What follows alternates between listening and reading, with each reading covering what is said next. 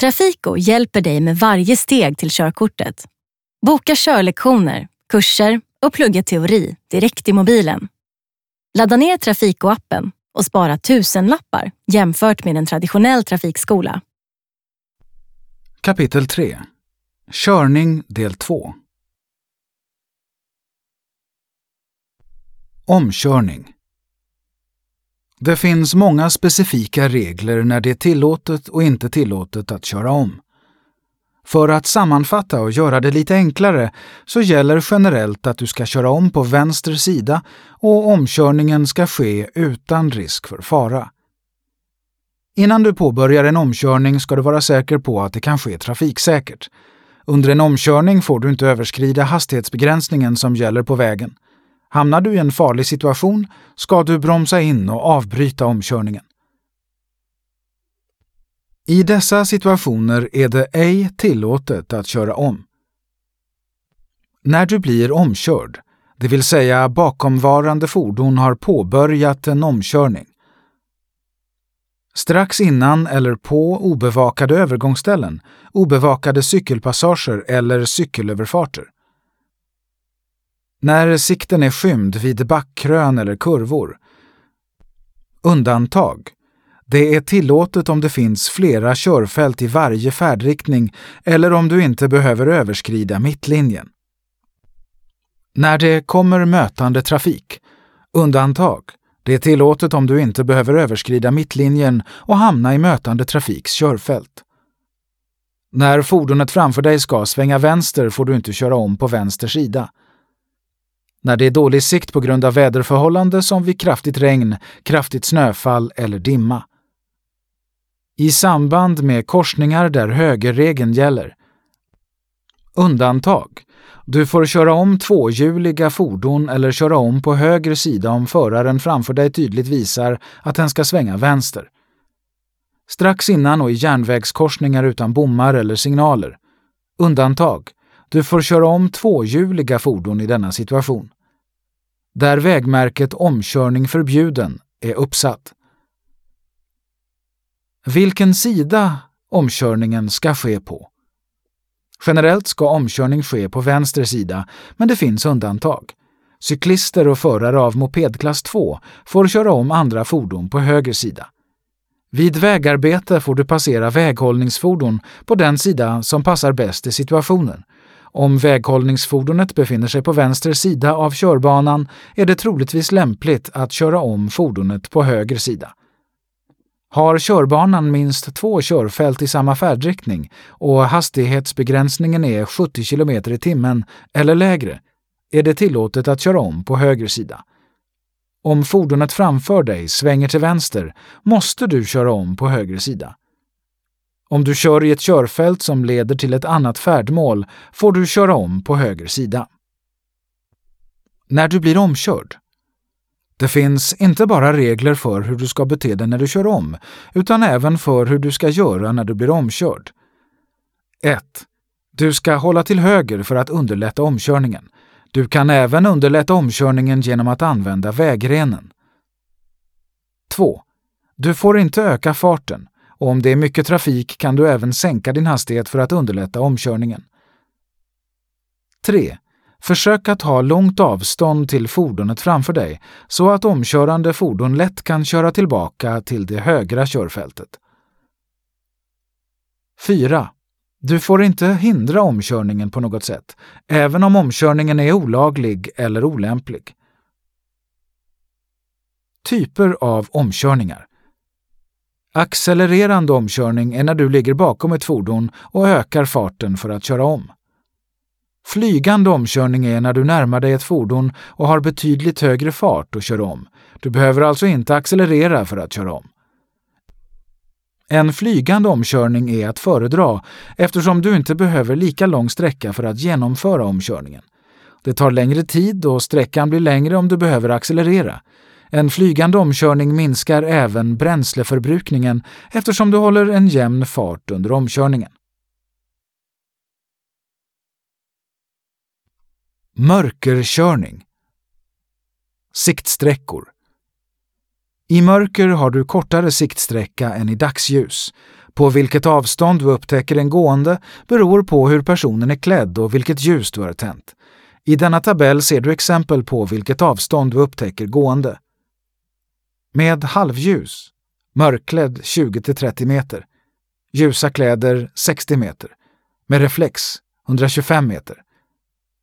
Med helljus, mörkklädd 150 meter, ljusa kläder 300 meter, med reflex 400-450 meter. Som du kan se i tabellen syns en person som bär reflex bäst. Om du ska ut och gå i mörker är det därför viktigt att du bär reflex, annars riskerar du att bilister upptäcker dig för sent. Om du blir direkt bländad kan din siktsträcka bli nära noll meter. Efter bländningen tar det tid innan mörkerseendet blir bra igen. Därför ska du under bilkörning i mörker undvika att titta direkt mot starka ljus, som till exempel mötande bilar. Helljus för att få bra sikt i mörker ska du använda helljuset så ofta som möjligt. Det finns däremot bestämmelser om när det inte är tillåtet att använda helljus. Du ska inte använda helljus om det redan finns tillfredsställande belysning eller om du riskerar att blända en annan förare. Möte i mörker. Möte på rak väg. 1. Kör med helljus så länge som möjligt. Slå av precis innan ljuset når mötande fordon eller när du riskerar att blända föraren. 2. Sänk hastigheten eftersom din siktsträcka blir kortare med halvljus. 3. Håll blicken långt fram längs vägens högerkant. På så sätt blir du inte lika bländad av mötande fordon och du kan lättare upptäcka gående. För att undvika att kollidera med gående ska du inte köra för nära högerkanten.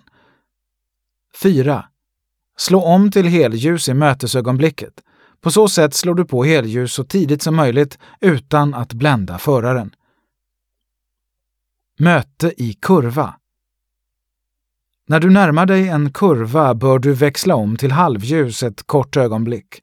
Då upptäcker du mötande fordon tidigare. Du ser mötande fordons ljus innan du ser själva fordonet. När du får möte i en vänsterkurva kan du behålla helljuset längre.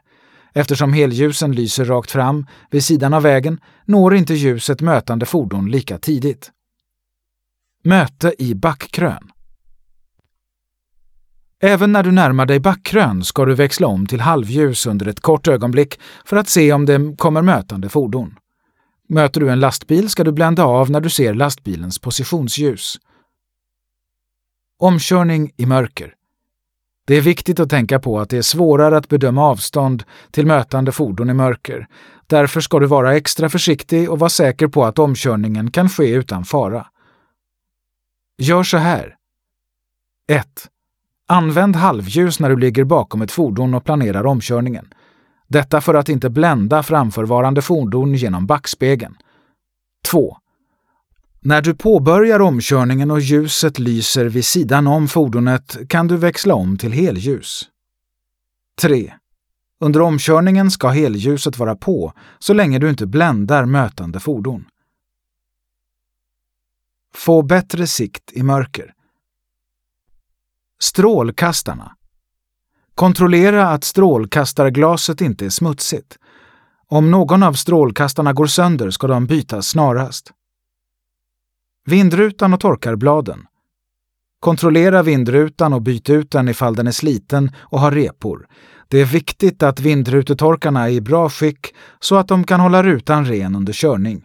Torka av insidan av vindrutan regelbundet. Synen.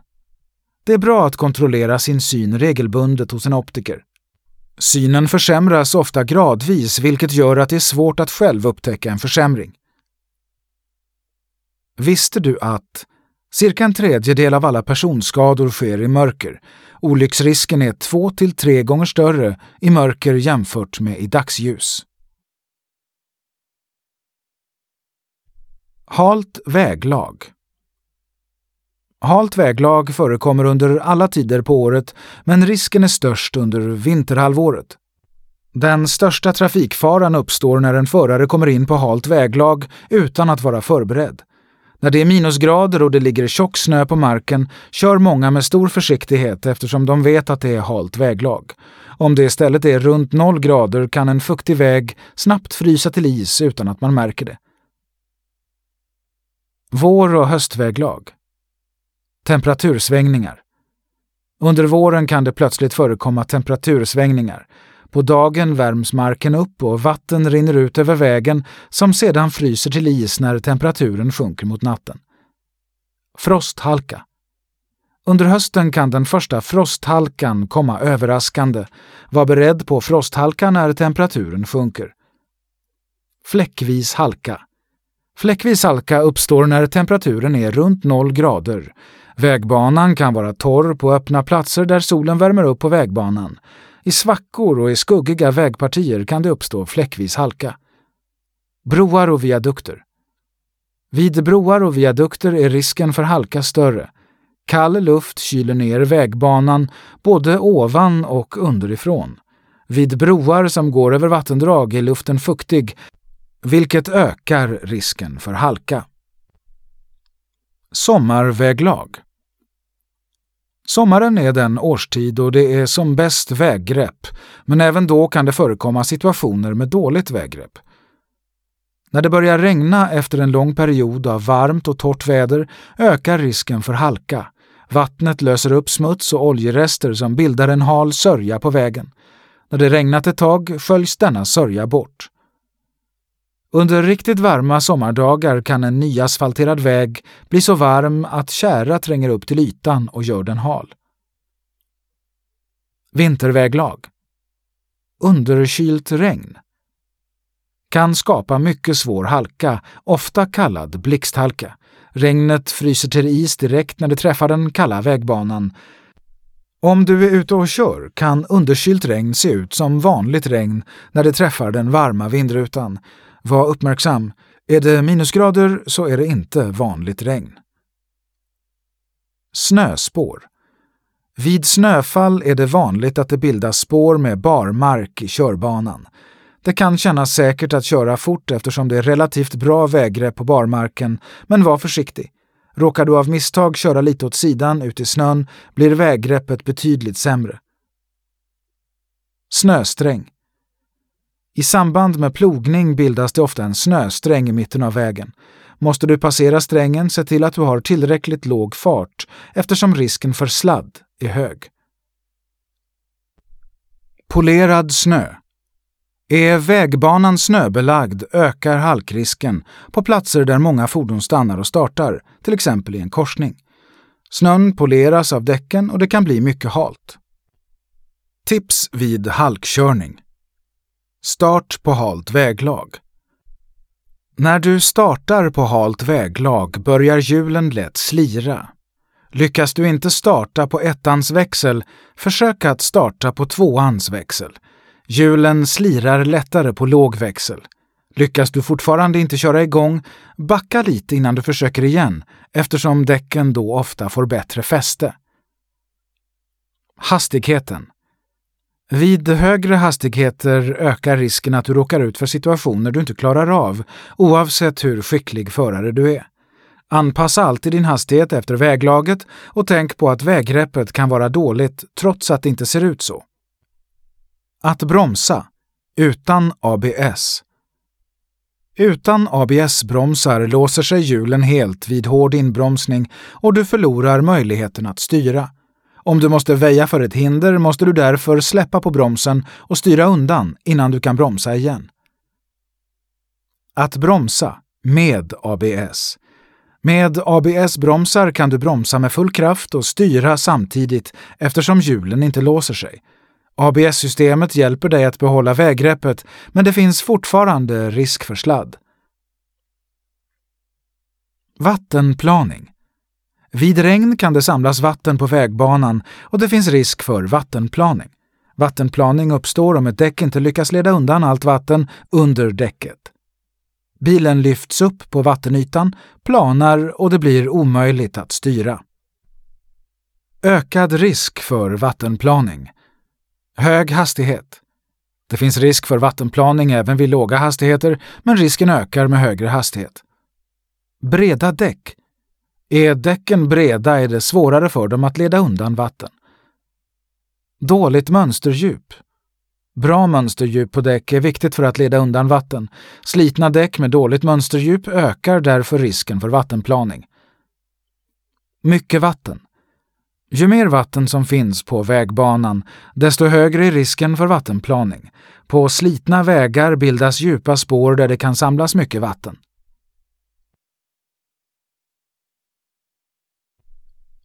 Skyldigheter och åtgärder vid trafikolycka. Skyldigheter. Om du är inblandad i en trafikolycka har du som trafikant vissa skyldigheter. Det spelar ingen roll om det är du som orsakat olyckan eller om du endast är vittne. Du har fortfarande skyldigheter. Stanna kvar. Du ska alltid stanna kvar på olycksplatsen och hjälpa till efter bästa förmåga. Det kan finnas skadade som behöver din hjälp eller fordon som behöver flyttas. Lämna uppgifter. Du måste alltid lämna dina uppgifter om namn, adress och upplysningar om händelsen till inblandade parter. Flytta fordon. Fordon som utgör hinder eller fara för andra trafikanter ska flyttas så snart som möjligt. Om någon skadats svårt eller omkommit i olyckan får du endast flytta på fordon ifall de utgör fara för annan trafik. Kontakta polisen.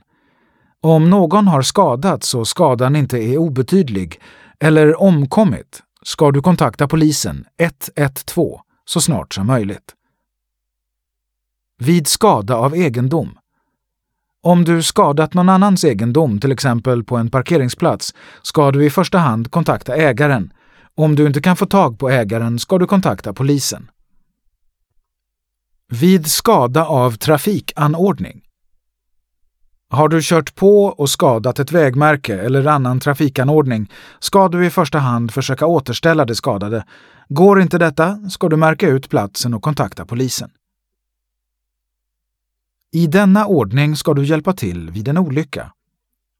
1. Överblicka. Det första du ska göra är att överblicka olycksplatsen för att se vad som behöver göras först. Finns det någon som är allvarligt skadad som behöver akut hjälp? Finns det fordon som utgör hinder eller fara för annan trafik? Finns det risk för brand? Behöver polis, ambulans kontaktas? 2. Vid risk för brand. Slå av tändningen i inblandade fordon. Flytta personer ur riskzonen och försök släcka branden med en brandsläckare om det finns en sån till hands. 3. Hjälp skadade och varna andra trafikanter. Om skadade behöver akut hjälp ska du hjälpa dem omedelbart. Flytta de fordon som hindrar annan trafik om det är möjligt och tillåtet. Om detta inte går ska du varna andra trafikanter med hjälp av varningstriangel och varningsblinkers. 4. Larma. Om det behövs ska du larma polis och ambulans på nummer 112. Visste du att i Sverige har Trafikverket ett långsiktigt mål att ingen ska skadas allvarligt eller dödas i trafiken.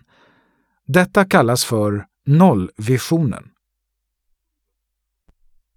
Vid akut hjälp Första hjälpen LABC LABC Livsfarligt läge, andning, blödning, cirkulationssvikt, chock är en minnesregel för hur och i vilken ordning du ska hjälpa skadade som behöver akut hjälp.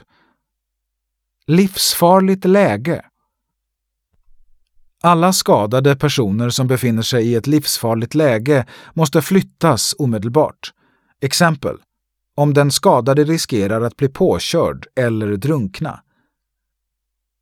Andning. Kontrollera personens medvetande och andning. Är personen medvetslös ska du börja med att öppna luftvägarna. Det gör du genom att försiktigt lägga en hand på personens panna två fingrar under hakan och sen luta huvudet bakåt. Kontrollera personens andning genom att lyssna efter andetag och se ifall bröstkorgen rör sig. Andas personen normalt ska du placera honom/henne i stabilt sidoläge. Om personen inte andas eller har svag oregelbunden andning ska du larma 112 och utföra hjärt och lungräddning, HLR. Blödning vid kraftig blödning ska du försöka placera den skadade kroppsdelen så högt som möjligt. Lägg ett tryckförband på såret för att stoppa blödningen. Om du inte har något tryckförband till hands kan du använda två vanliga tygstycken, ett som du lägger på såret och ett som du binder runt såret. Cirkulationssvikt, chock. Om den skadade förlorat mycket blod kan personen drabbas av cirkulationssvikt. Detta är ett livsfarligt tillstånd. Vanliga symptom. Personen är förvirrad, blek, kallsvettig, fryser och har snabb och svag puls. Det är också vanligt att personen känner sig törstig. Åtgärder mot cirkulationssvikt. Lägg personen i stabilt sidoläge med huvudet lågt och benen högt. Håll personen varm med hjälp av en filt eller liknande. Tala lugnande med personen. Stoppa eventuella blödningar. Ge inte personen något att äta eller dricka. Visste du att i Sverige omkommer cirka 200 personer och cirka 2000 skadas svårt årligen i trafiken. Av de som omkommer är ungefär 75 procent män. Nödstopp. Om du får problem med bilen och är tvungen att stanna är det viktigt att du vidtar rätt åtgärder. Försök att flytta bilen från vägen eller så långt ut i kanten av vägen som möjligt och slå på bilens varningsblinkers. När ska varningstriangel användas? Om du får ett nödstopp på ett ställe som är farligt ska du för att varna andra trafikanter sätta ut en varningstriangel om hastighetsgränsen är över 50 km i timmen.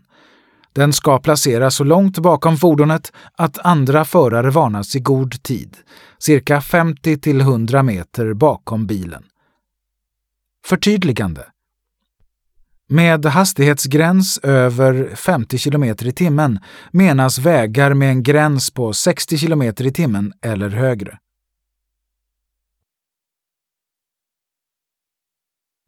Viltolyckor Viltolyckor Enligt Nationella viltolycksrådet sker det varje år cirka 60 000 viltolyckor i Sverige.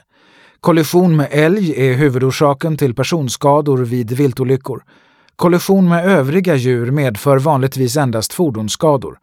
Däremot finns det risk att föraren panikbromsar eller svänger kraftigt för att undvika djuret, vilket kan leda till avåkning eller kollision med andra fordon. Det är viktigt att alltid vara uppmärksam för vilda djur, men ibland är risken för viltolycka högre och kräver större uppmärksamhet. Risken är extra stor i gryning och skymning, i maj till juni, i september till oktober, vid skogskanter, vid kalhyggen, där viltstängsel börjar och slutar, Åtgärder vid olycka. Kolliderar du med ett djur ska du tända varningsblinkers och ställa ut varningstriangeln för att varna andra trafikanter. Om djuret skadats och försvinner från olycksplatsen ska du märka ut den exakta platsen där djuret försvann. Om djuret dött i kollisionen ska du flytta det från vägbanan. Vid kollision med större eller specifika djur är du skyldig att anmäla olyckan till polisen. Dessa djur är älg, rådjur, hjort, björn, varg, lo, järv, utter, mufflonfår, vildsvin och örn.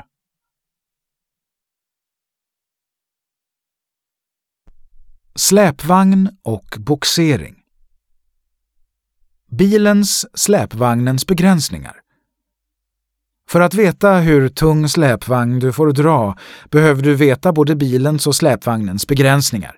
Det varierar vad olika fordon klarar av. Det beror till exempel på bilens dragförmåga och bromsar. Uppgifter om detta hittar du i registreringsbeviset. Förutom bilens och släpvagnens begränsningar beror det också på vilket körkort du har. B-körkort. Med B-behörighet får du dra lätt släpvagn Lätt släpvagn är släpvagn vars totalvikt inte överstiger 750 kilo. Om släpvagnen är tyngre än 750 kilo får släpvagnens och bilens sammanlagda totalvikt inte överstiga 3500 kilo. Utökat B-körkort om släpvagnens totalvikt överstiger 750 kilo får inte släpvagnens och bilens sammanlagda totalvikt överstiga 4250 kilo. För att dra ännu tyngre släpvagnar behöver du BE-körkort eller högre. Släpvagnens utrustning Ljus och reflexer Fram till ska släpvagnen ha två vita reflexer. Den ska dessutom ha vitt positionsljus om den är bredare än 160 cm. Bak till ska den ha röda triangelformade reflexer, bromsljus, bakljus, blinkers och skyltlykta. På sidorna ska den ha orange sidomarkeringsljus och reflexer. Bromsar alla bromsade släpvagnar måste vara utrustade med en katastrofbroms. Bromsen kopplas med en vajer, så kallad katastrofvajer, till bilen. Om släpvagnen lossnar sträcks vajern och släpvagnen bromsas. Om släpvagnens totalvikt överstiger 750 kilo måste den vara utrustad med färdbroms. En vanlig sådan är en så kallad påskjutsbroms. När bilen bromsar trycks släpvagnens dragstång mot dragkroken och släpvagnen bromsas automatiskt. Är släpvagnens tjänstevikt över 400 kilo måste den även ha en parkeringsbroms. Med jämna mellanrum bör du kontrollera att bromsarna fungerar. För att kontrollera färdbromsen kan du köra i låg fart och bromsa. För att kontrollera parkeringsbromsen drar du åt den, kör sakta framåt och kontrollera att hjulen är bromsade. Ytterbackspeglar. Om du kopplar på en släpvagn som är bredare än bilen, till exempel en husvagn, måste du montera extra yttre backspeglar på bilen. Däck. Om bilen har dubbdäck vid halt väglag måste även släpvagnen ha dubbdäck. Släpvagnen får däremot ha dubbdäck trots att bilen har odubbade däck. Kultryck. För högt eller för lågt kultryck kan försämra köregenskaperna. I instruktionsboken kan du hitta det optimala kultrycket. För att mäta kultrycket kan du antingen köpa en kultrycksvåg eller ställa en badrumsvåg under släpvagnens stödhjul när den är frånkopplad från bilen. Högt kultryck När släpvagnen är för framtung bildas för högt kultryck för högt kultryck leder till att halvljuset blir bländande. Styrgreppet blir sämre. Framhjulsdrivna bilar får sämre dragkraft. Lågt kultryck. När släpvagnen är för baktung bildas det för lågt kultryck. För lågt kultryck leder till att halvljusets räckvidd förkortas, ekipaget blir instabilt, bakhjulsdrivna bilar får sämre dragkraft. Fällknivsverkan. När du kör på halt väglag med släpvagn ska du alltid bromsa försiktigt. Om bilen bromsas bättre än släpvagnen så kan fällknivsverkan uppstå. Med detta menas att släpvagnen trycker bilen åt sidan och hela ekipaget viker sig som en fällkniv. Situationen kan bli väldigt svår att kontrollera. Kontroll innan färd. Kontrollera att 1. Parkeringsbromsen inte är åtdragen. 2. Färdbroms och parkeringsbroms fungerar som de ska. 3. Lasten är väl fastspänd och inte kan lossa under färd. 4. Lasten är väl fördelad. 5. Kultrycket inte är för högt lågt. 6. Blinkers och ljus fungerar som de ska. 7. Stödhjulet är upphissat och låst. 8. Katastrofvajern är ordentligt fastsatt och sitter rätt. Att köra med släpvagn. Med tillkopplad släpvagn får du köra högst 80 km i timmen. Om du kör med en obromsad släpvagn vars totalvikt överstiger halva bilens tjänstevikt får du köra högst 40 km i timmen. Om last skulle lossna från släpvagnen och kan utgöra hinder eller fara ska du antingen flytta det från vägen eller märka ut platsen och hämta hjälp. Boxering när du boxerar ett annat fordon finns det olika regler och saker att tänka på. Högsta tillåtna hastighet när du boxerar ett annat fordon är 30 km i timmen. Det är inte tillåtet att boxera eller boxera med en tvåhjulig motorcykel. Det gäller även cykel och moped. Om boxerlinan är längre än två meter måste den markeras tydligt. Boxering ska ske på vägrenen om sådan finns, annars på höger sida av vägen. Boxering på motorväg, motortrafikled är inte tillåtet. Om du boxerar i mörker, gryning eller skymning och belysningen på det boxerade fordonet är trasigt ska du märka ut fordonet. Märk det på samma sätt som utskjutande last, det vill säga rött ljus och röda reflexer baktill och vitt ljus och vita reflexer framtill.